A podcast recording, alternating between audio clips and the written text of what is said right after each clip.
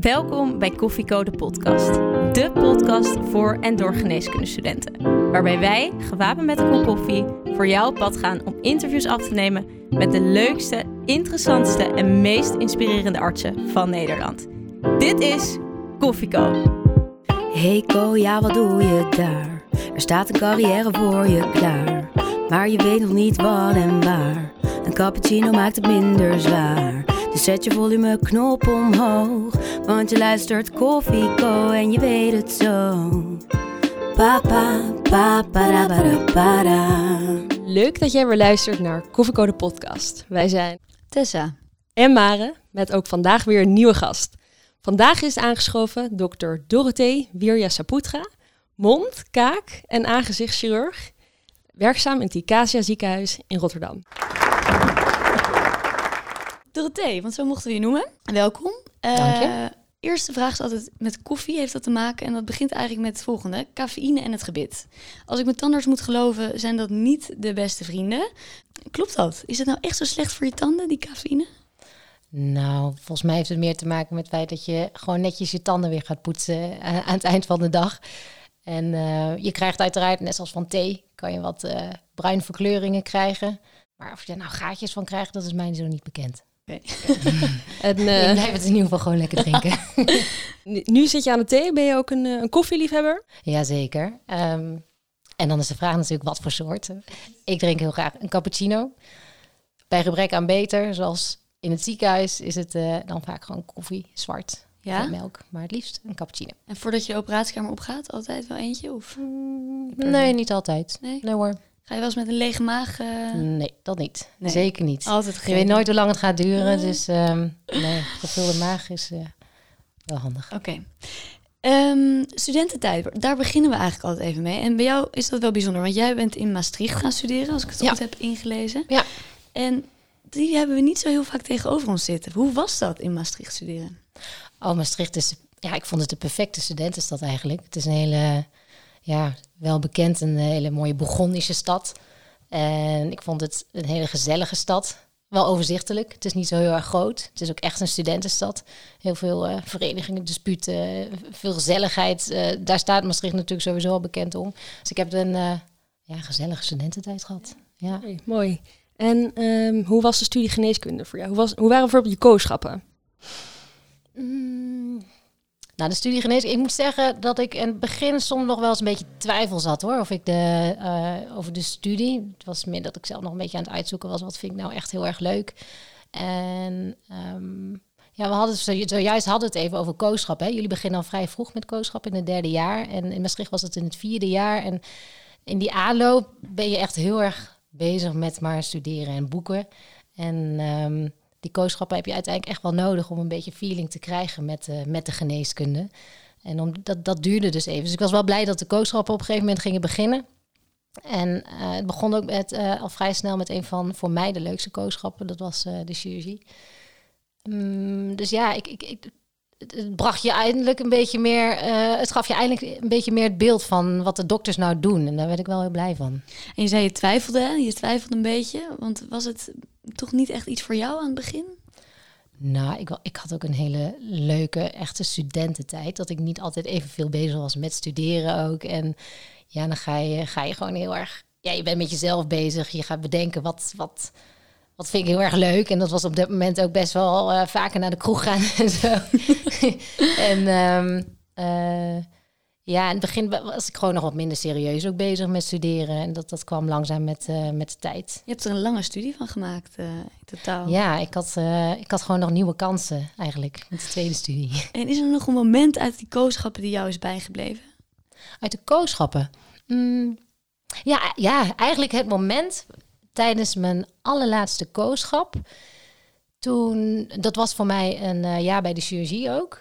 En ik wilde, dat heeft eigenlijk al een beetje te maken met het specialisme dat ik ben gaan eh, doen. Daar was een chirurg tegen mij die eh, zei van ja, moet jij geen kaakchirurgie gaan doen? Ik kom namelijk uit een tandheelkundige gezin en ik wilde absoluut niks met tandheelkunde te maken hebben. En waarom niet? Ja, deed, deed mijn vader al.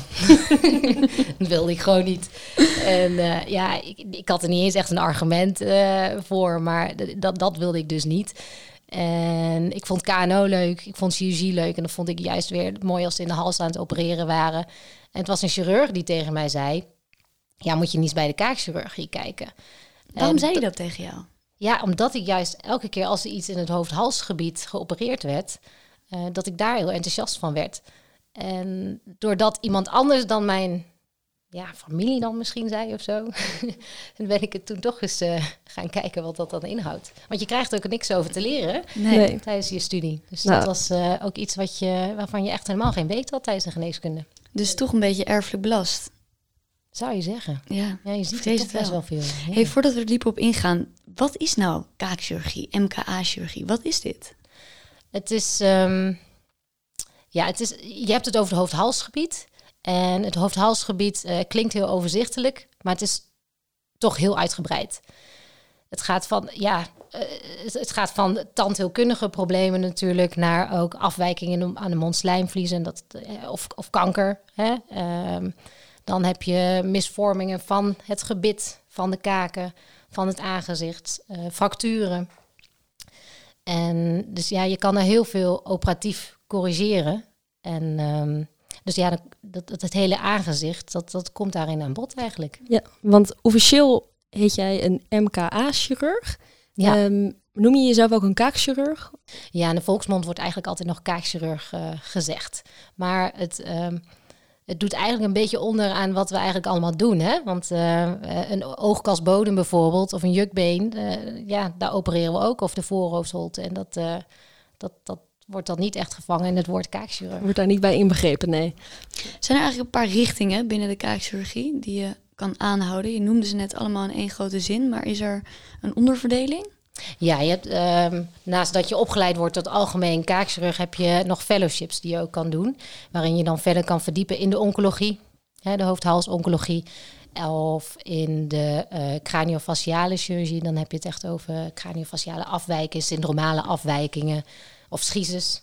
Hè, ook eh, een bekend, eh, bekend onderwerp waarin je ook verder kan eh, specialiseren.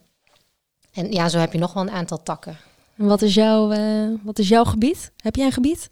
Ja, ik hou me vooral bezig met de implantologie en de pre-implantologie. Dus implantaten, dat zijn soort schroefjes die je in de kaken kan plaatsen waarop een gebit of kronen gemaakt kunnen worden. Maar soms heb je te weinig bot, dus ehm, dan doe je bot opbouwen.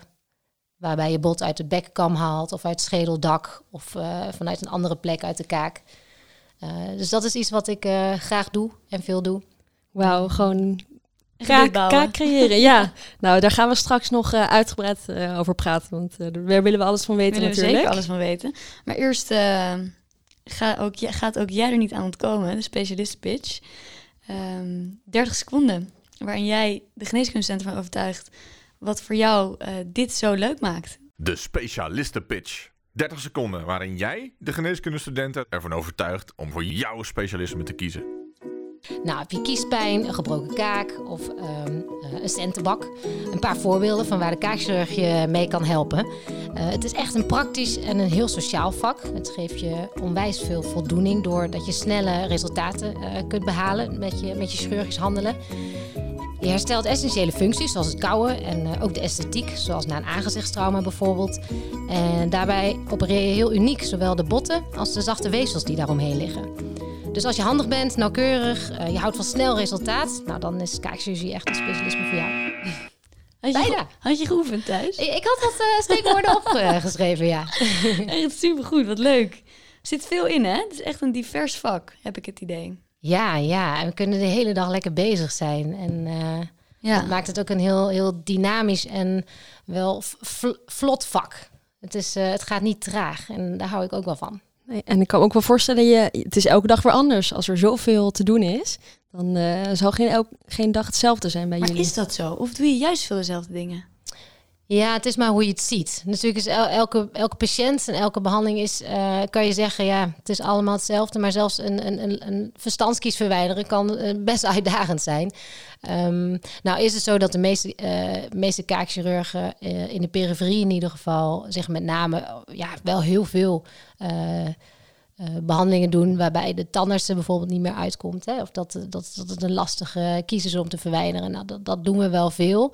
Maar dat is iets wat, wat ons eigenlijk wel de hele dag wel bezighoudt. Maar tussendoor heb je eh, heel veel andere dingen, die, eh, die, ook verrassende dingen. Als, als toch een, een, tumor die je ontdekt, of eh, pijnklachten van het aangezicht, of ehm, eh, via de orthodontist. Dat, dat zijn ook nog patiënten die, die ik heel leuk vind om straks steeds meer weer te gaan be- behandelen.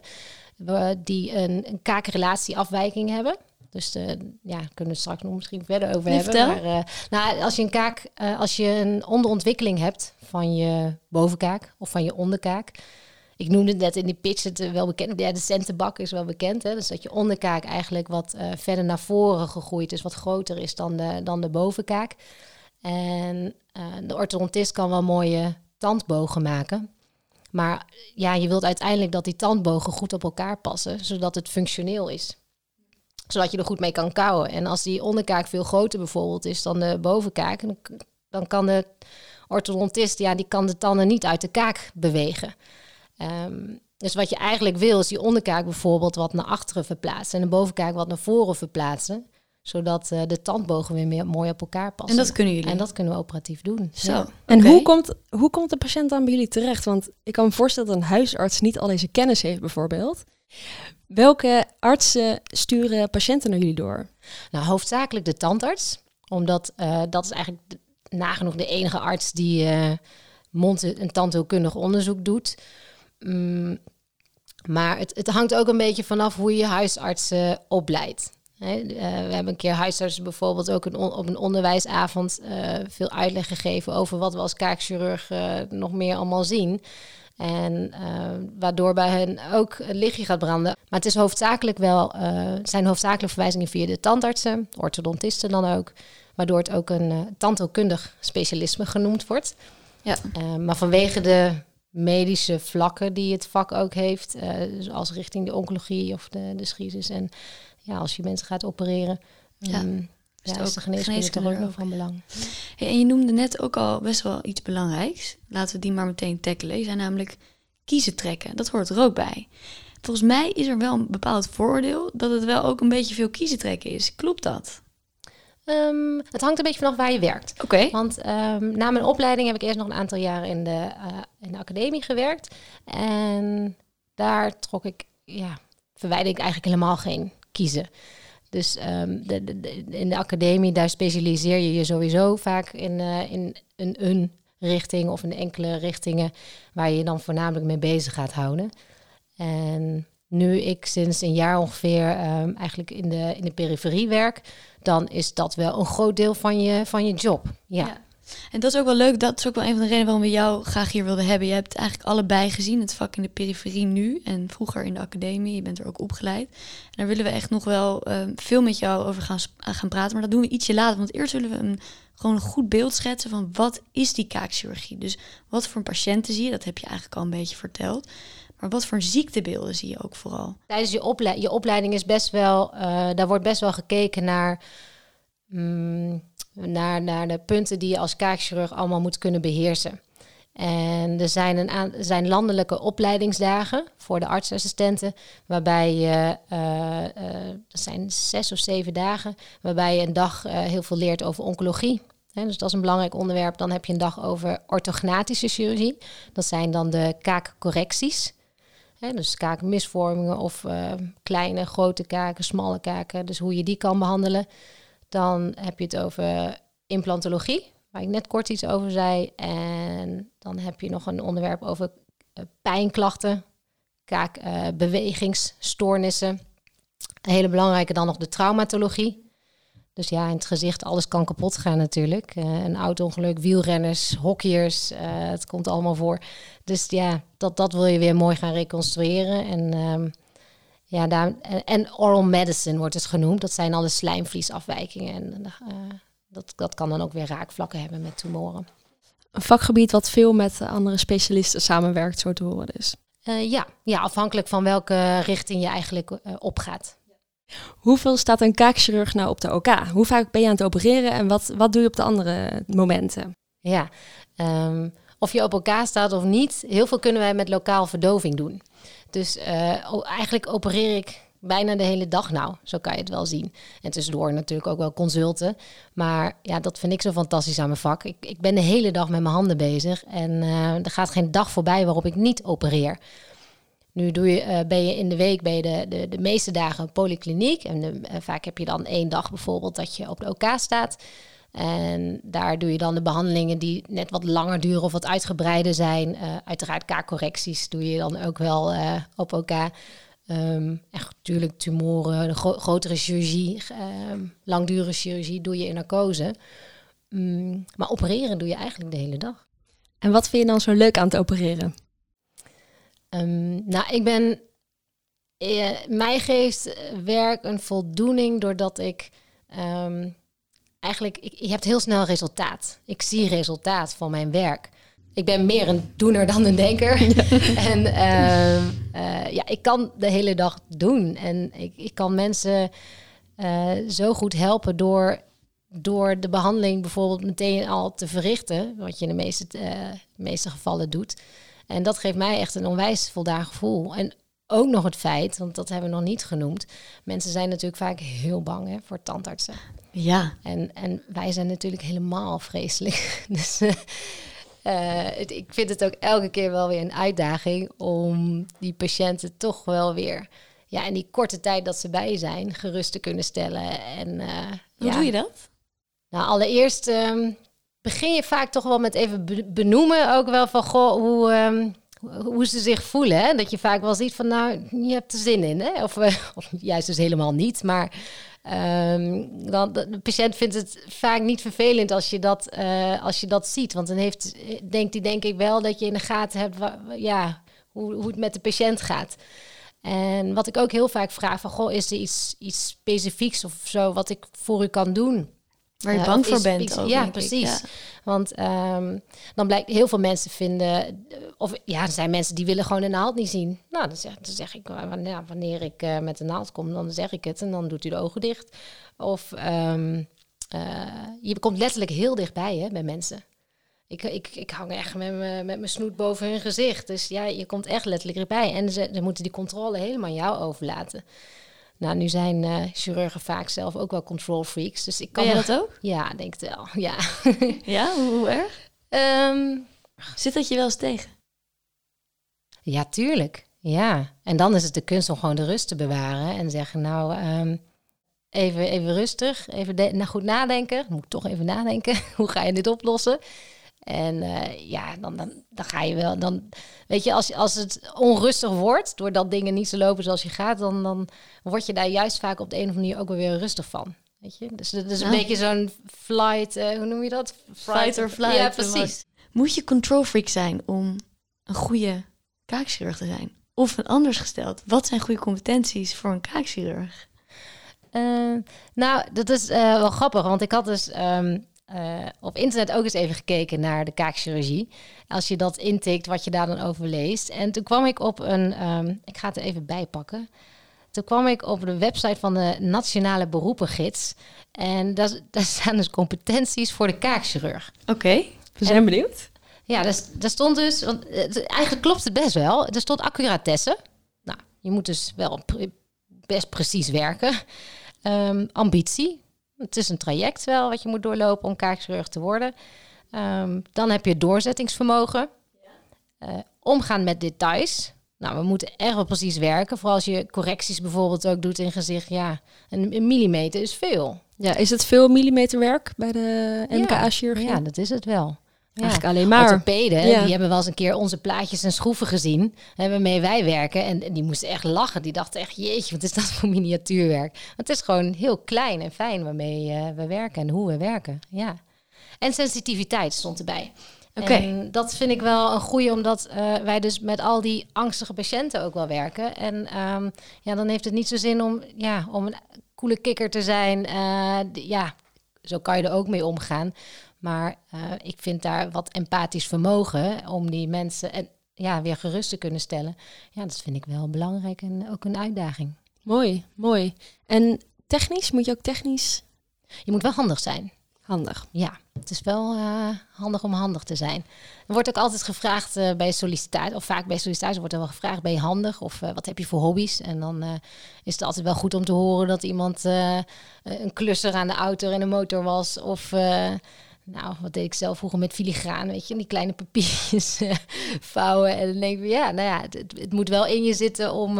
Handvaardig te zijn. Ja, absoluut. Grappig. Dus dat is toch wel echt zo, hè?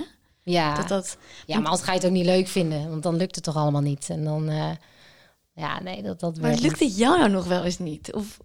Ja, natuurlijk. Je staat hier gewoon blakend van, het lukt mij en het gaat goed. Maar vertel eens, is er wel eens een keer iets ja. niet gelukt? Of? Nou, het grappige is, je, je, moet ook... Want die patiënten behandel je natuurlijk heel vaak terwijl ze wakker zijn. Dus je moet ook heel goed opletten wat je dan allemaal eh, zegt. Ze liggen onder een doekje en dan dat doekje gaat ook over hun ogen. Dus alleen de neus en mond ligt vrij. En eh, ze hebben natuurlijk hartstikke hun oren gespitst. Dus ook als het wel niet lukt. Ik, tuurlijk, ik heb eh, ook wel eens iets dan... eh, ja, dan, dan werkt zo'n stomme verstandskies bijvoorbeeld echt niet mee om hem eruit te krijgen. En dan eh, ben je aan het boren en eh, aan het duwen en aan het frikken. En eh, dan zit er net zo'n mooi weerhaakje aan, hè, waardoor die niet uitkomt. En dan denk je van, nou, ik wil wel eens, eh, ik wil dit wel eens afronden. Maar ja, je, laat het niet je hebt geen keus. Nee, je kan het niet laten merken. Nee. Dus dan, eh, Dus je blijft vrolijk doorkletsen met die patiënten. ja, eigenlijk wel. En nou, het is een beetje een vervelend. Je, je benoemt het wel dat het een kies is die niet makkelijk meegeeft, bijvoorbeeld. Maar ja, het is toch wel de kunst om, om die patiënt daar wel doorheen te loodsen en dat vertrouwen uit eh, over te brengen, zeg maar. Ja, Of kan je, kan je een casus noemen waar je tr- trots op bent? moet ik even over nadenken hoor. Waar je trots op bent.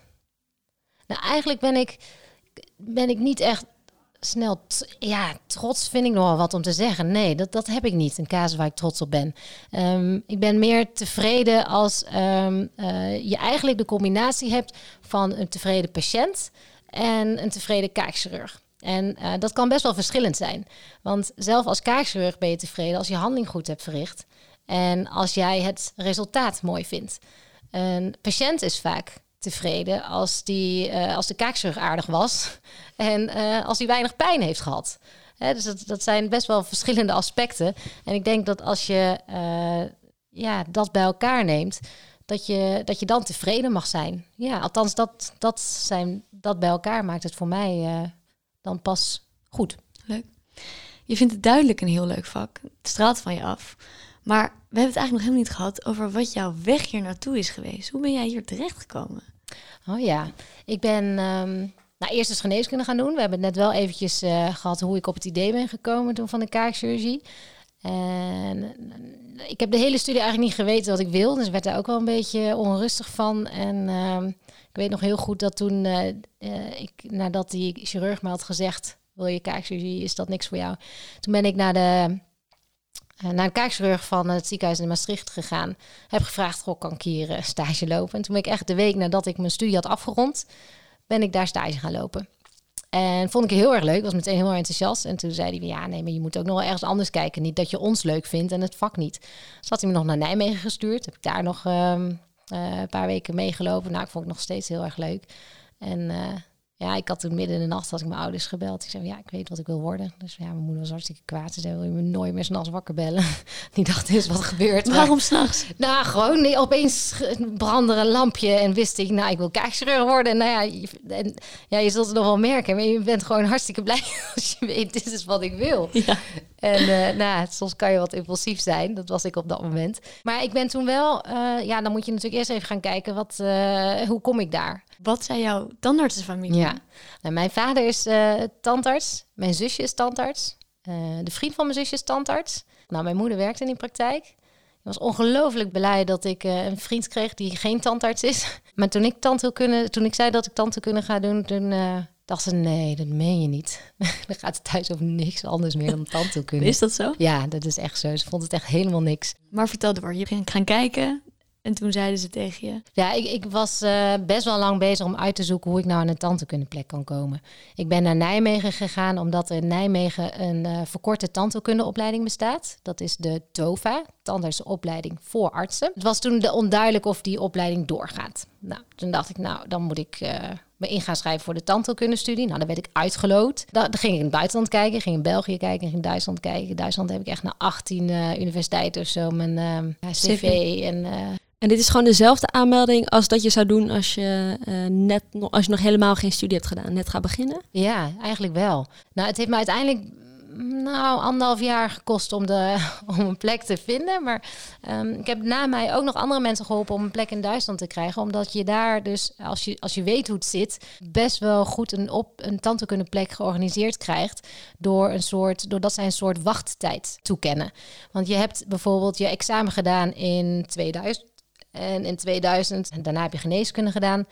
En als je dan in Duitsland aanmeldt, dan kijken ze naar jouw examenjaar van 2000. En dan zien ze, oh, je hebt al zoveel jaren gewacht op die tandheelkundeplek. En hebben ze, een, uh, zoals het bij mij toen was, hebben ze dan een maximum van volgens mij vier jaar van wachttijd. Dus acht semesters zijn dat, die ze je dan toekennen. En daarmee verdien je een soort van credits. En hoger op de lijst te komen voor een opleidingsplaats. Voor een tandheelkundestudieplek.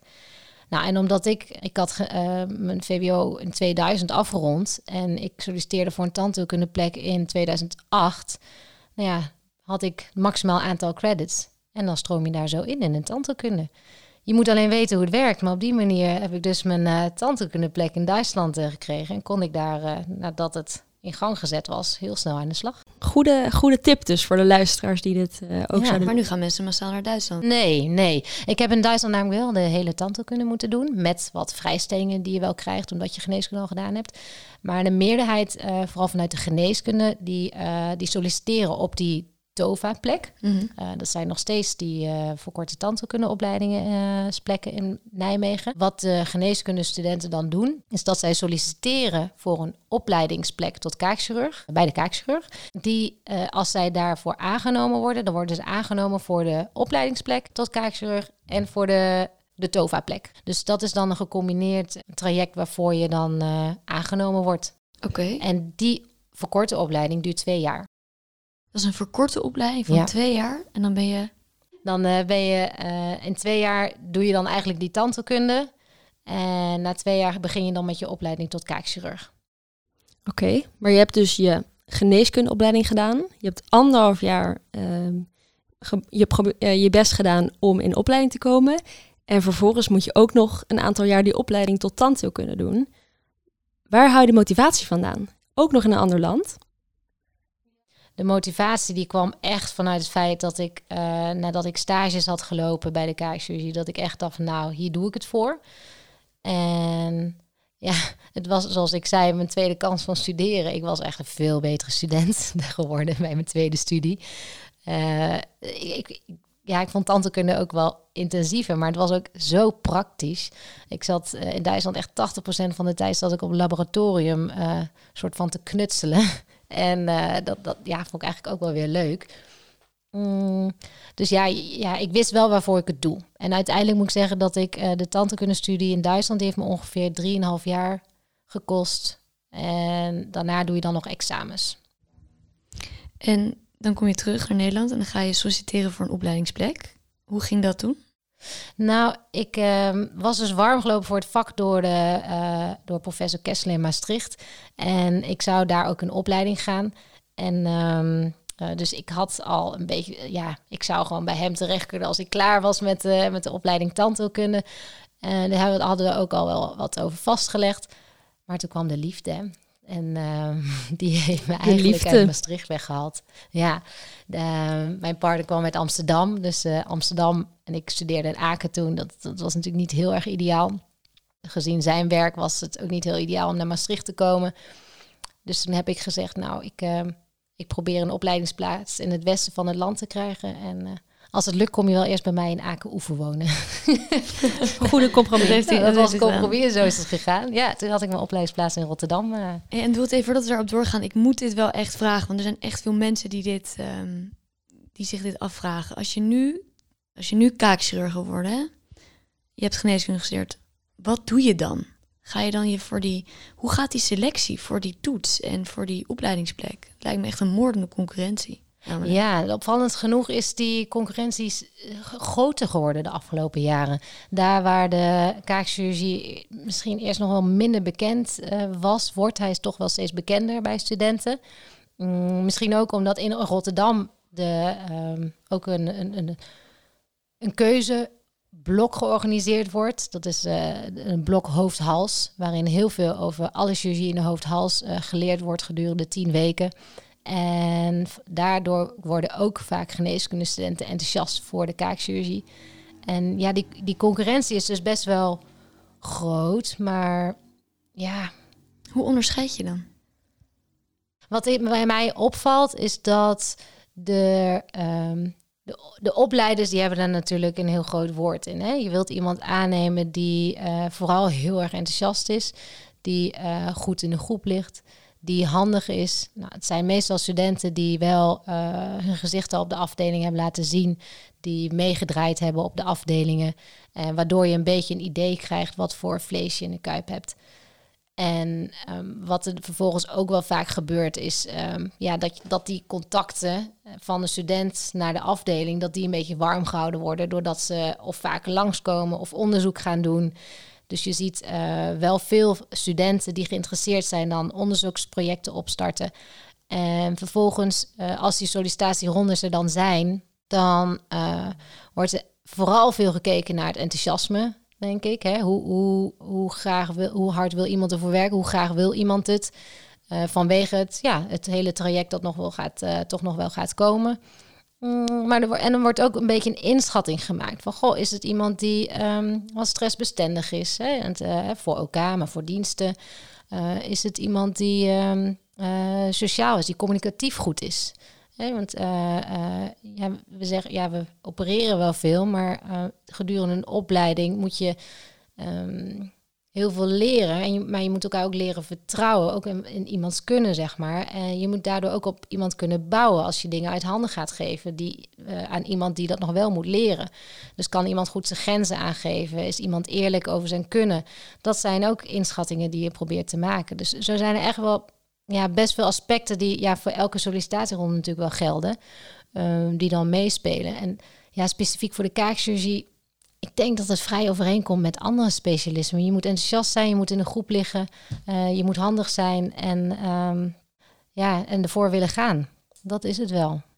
Oké, dan komen ze in opleiding, gaan ze een tweede studie doen. Maar hoe wordt dat dan gefinancierd? Want mensen hebben vaak al een studieschuld van een ton. En ja, wie betaalt die opleiding voor hen? Ja, dat is wel een hele goede vraag, want het, is, ehm, het kost wel veel geld. Ehm, nou, die verkorte opleiding is vrij duur. Je krijgt daar een lening voor. Je kunt daar een lening voor bij de bank krijgen. Dus de, de, de- dat is, ja, men weet bij welke bank je daar kunt zijn om die lening te kunnen verkrijgen. En daar ben je daarna natuurlijk wel, wel mee bezig om dat af te betalen eh, gedurende je, je verdere carrière. Wat wel goed te doen is. De, Verdien je dan zo goed als kaakchirurg? Ehm, ja, ik vind wel dat je goed verdient. In de universitaire eh, setting is het volgens de eh, universitair medisch specialisme CAO. En in de periferie hangt, ja, het hangt een beetje vanaf hoe, hoe het daar georganiseerd is. Maar we niet dat... mogen niet klagen, zeker niet. Nee. En we hebben baangarantie, want er is genoeg werk voor de kaakchirurg in ieder geval. Hm. Dus ehm, ik denk niet dat je daar zorgen over hoeft te maken. Maar ze kunnen dus een lening afsluiten. Ja. Maar dat is dus niet zo dat die opleiding dat betaalt. Dus als je wordt nee, aangenomen... het is niet eh, dat de opleiding dat betaalt. Dus het gaat om de echte tandheelkundige stukje, die tweejarige opleiding. Die zul je zelf moeten financieren via een eh, lening via de bank bijvoorbeeld. Ehm, zelf heb ik het in Duitsland gedaan en dat is op zich wel interessant, want eh, daar betaalde ik dus 500 euro per semester. Dus dat is 1000 euro per jaar. En een semester duurt ongeveer vier maanden, drieënhalf, vier maanden. Dus ik heb elke keer daartussendoor op spoedeisende hulp kunnen werken. Om, eh, en dan heel veel nachtdiensten draaien en zo. dan krijg je dat verdiende extra. Dus op die manier heb ik mijn studie best goed kunnen financieren. Mooi. Ehm, we hebben het al even gehad, want je bent daarna in een academisch ziekenhuis gaan werken.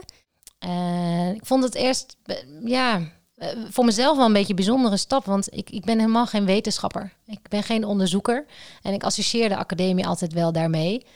En ehm, de opleider eh, daar, die ehm, zag, wel, eh, zag wel dat ik het onderwijs leuk vond en interessant vond. Dus, eh, en dat is natuurlijk ook wel iets wat, eh, ja, wat veel plaatsvindt in de academie. Dus ik heb ook dat hoofd-hals, die hoofd-hals minor waar we het net over hadden, dat blok, ehm, heb ik mogen coördineren een tijdje. En ehm, ja, dat, dat heb ik, vond ik echt heel erg leuk. Maar ik, ik voelde me altijd wel een beetje, ja, ik had toch altijd het idee van, ja, ik ben niet, ben niet de wetenschapper. En ik ben echt meer de practicus. Nu weet ik dat ze ook altijd zeggen, nou, die mensen heb je ook in de academie nodig. En uh, nou, dat heeft me ook wel daar gehouden. Ik heb daar echt uh, kunnen, kunnen opereren en uh, um, heel veel mooie patiënten kunnen zien. En mijn onderwijsding ei kwijtgekund, zeg maar. Maar um, ja, ik, moest, ik, ik, maakte toen ook best wel lange dagen. Dat, uh, dat was voor mij ook wel een reden om te zeggen, nou misschien um, is, is dit niet helemaal wat ik uh, uh, voor de lange termijn wil. En nou, dat was niet eens het belangrijkste. Ik, ik merkte eigenlijk dat ik, ik vond, ik werkte in een heel groot ziekenhuis. En um, nu ik in een kleinere setting werk, merk ik dat ik daar veel beter in kan aarden. Ik voel me daar gewoon prettiger. En uh, ja, dat, dat is niet echt iets wat je kan beschrijven. Je moet dat echt ervaren, wat voor, in wat voor setting jij het prettig vindt om te werken. En uh, die privékliniek die jij noemde, dat was een uh, kliniek waar ik één keer in de week, één keer in de twee weken, af en toe een dag als zelfstandig kaakchirurg um, ging werken. En dat deed ik ter afwisseling. Want ik zou in de academie toen daar, ja, daar verwijder ik bijvoorbeeld mag gaan kiezen. En dat deed ik dan daar bijvoorbeeld wel veel meer. Um, daar werk ik inmiddels niet meer. Ik werk uh, nu, nadat ik um, uh, uit de academie ben gegaan, ben ik nog op een andere plek gaan waarnemen in een perifeer ziekenhuis. En dat is me ja, eigenlijk heel goed bevallen. En wat is nou het grootste verschil tussen periferie en academisch werken? In de academie heb je uh, nog heel veel te maken met het onderwijs. En ik heb het net wel over onderwijs gehad, maar dan ging het over onderwijs voor geneeskundestudenten bijvoorbeeld. Um, maar dan gaat het ook over onderwijs voor co-assistenten. Voor, we hadden dan tandheelkundestudenten en geneeskundestudenten. Um, en niet te vergeten artsassistenten. Je hebt altijd en overal heb je een artsassistent bij je. Uh, wat het heel leuk en sociaal ook maakt. Het is echt heel erg gezellig om uh, samen met de artsassistent te opereren. Mm, maar ja, je, je, laat heel vaak de artsassistent ook opereren. En ik vind het eerst echt ook wel heel erg leuk dat ik nu gewoon zelf alles kan opereren. En uh, ja, soms is het ook wel lekker als die wat control freak zijn, is het ook lekker om het zelf in de hand te hebben en uh, het zelf te kunnen doen. Uh, wat niet wegneemt dat ik het ook nog altijd leuk vind om met studenten om te gaan. En dat maakt de plek waar ik nu werk ook wel leuk, want we hebben daar nog steeds altijd tandheelkunde studenten.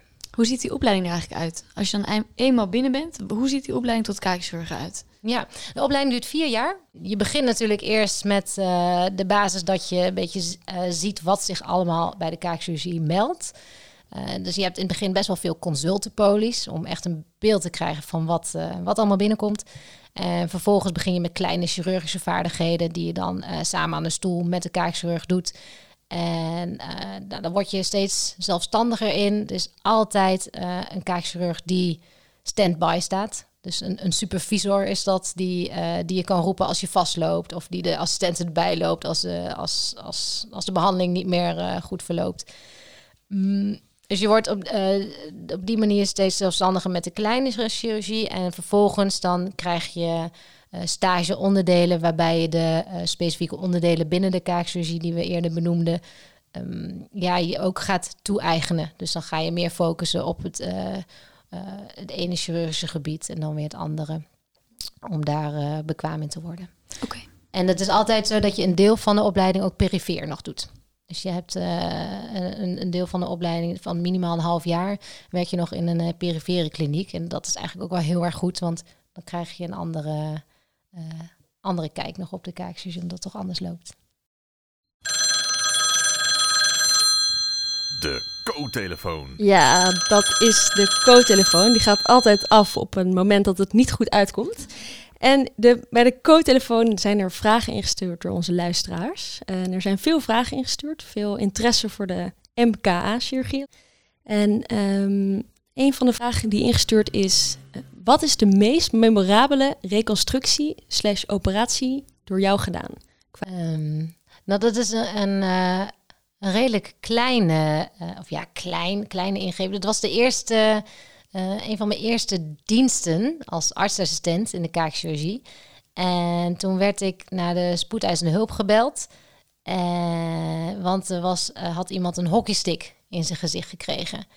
En nou ja, ik ging daar naartoe. En ja, alles wat je in je eentje voor het eerst gaat doen is natuurlijk wel spannend. Maar die kwam dus met ja, wat breuken van, van, de, van de kaak. En wat tanden en kiezen die eruit lagen. En toen heb ik, ja, ik vond het, ik vond het toen een beetje spannend. Ik heb met mijn supervisor gebeld. Goh, eh, wat, gaan we, wat ga ik allemaal doen?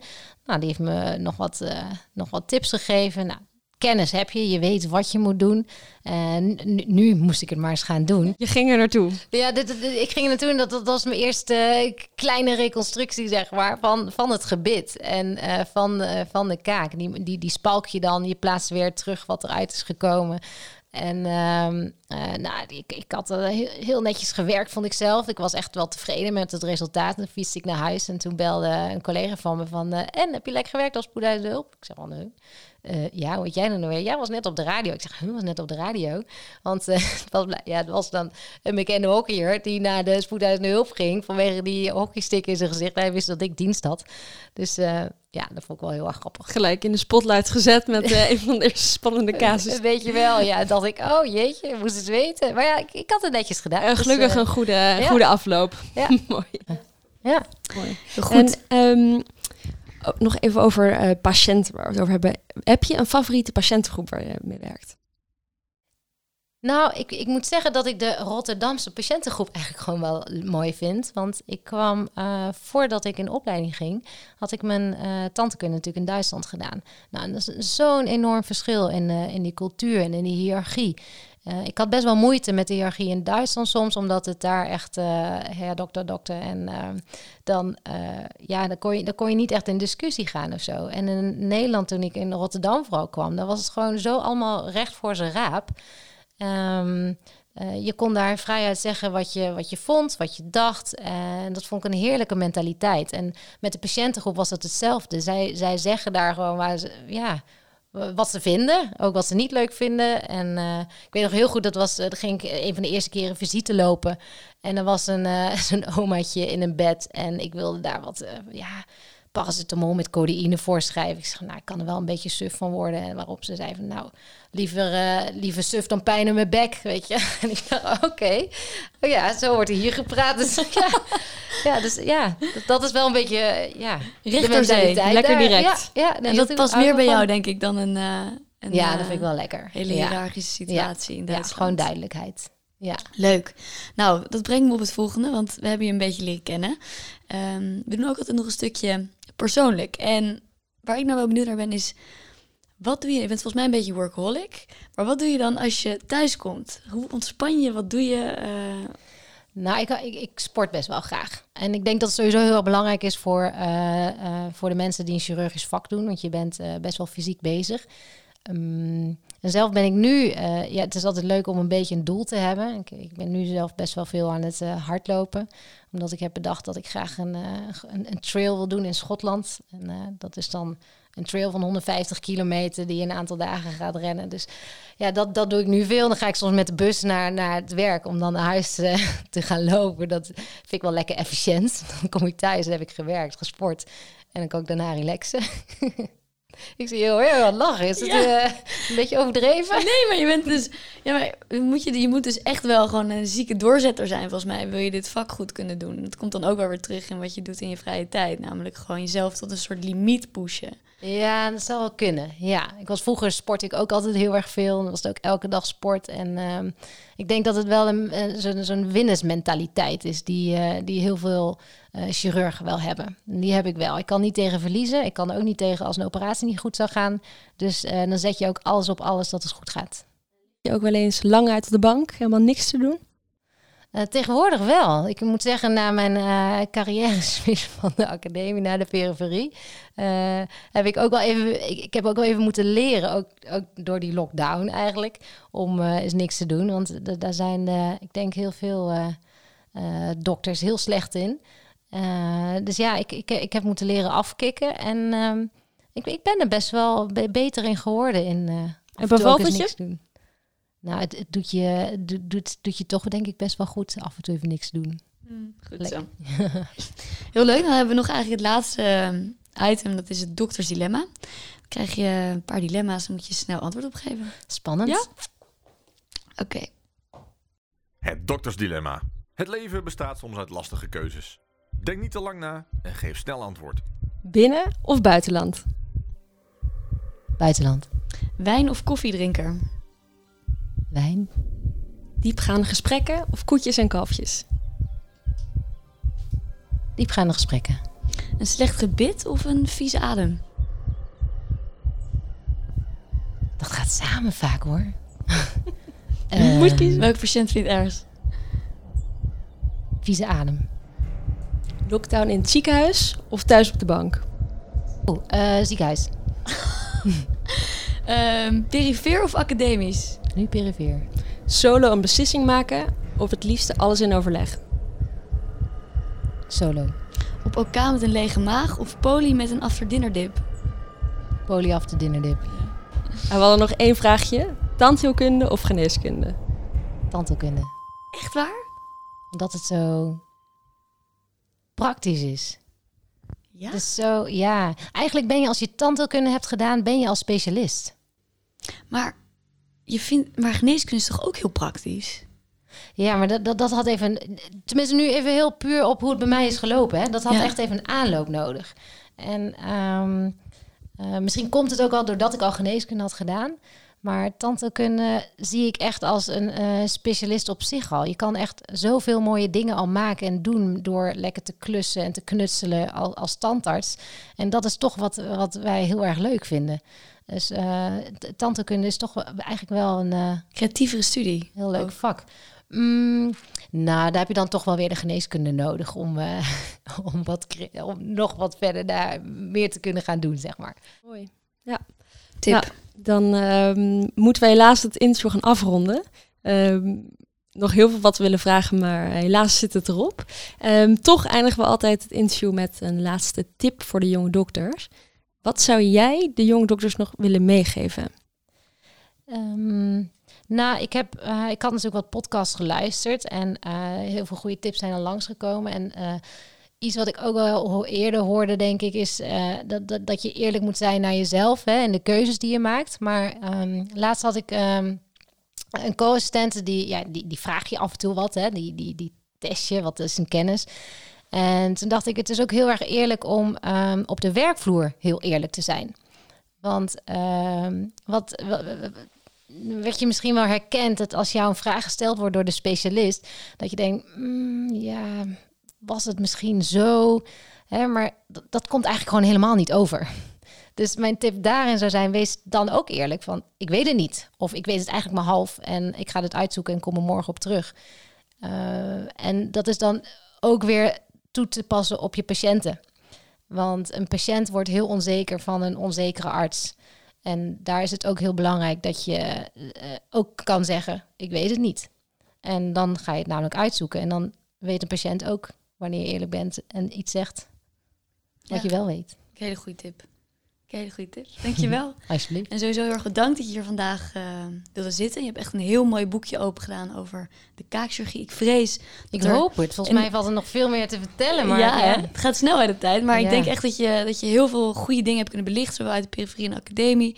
En ook echt hebt laten zien hoe leuk jij dit vak vindt. En hoe leuk, denk ik, nog heel veel mensen, andere mensen dit vak zullen vinden. Dus dank je wel daarvoor. Geen dank, geen dank. En dan eh, gaan we afsluiten. Dus eh ja, beste luisteraars, ook jullie weer bedankt voor het luisteren. Eh, blijf ons volgen, blijf ons leuke dingen toesturen, leuke vragen insturen. En dan hebben we volgende week weer een leuke nieuwe aflevering voor jullie klaarstaan. Tot ziens bij Koefico.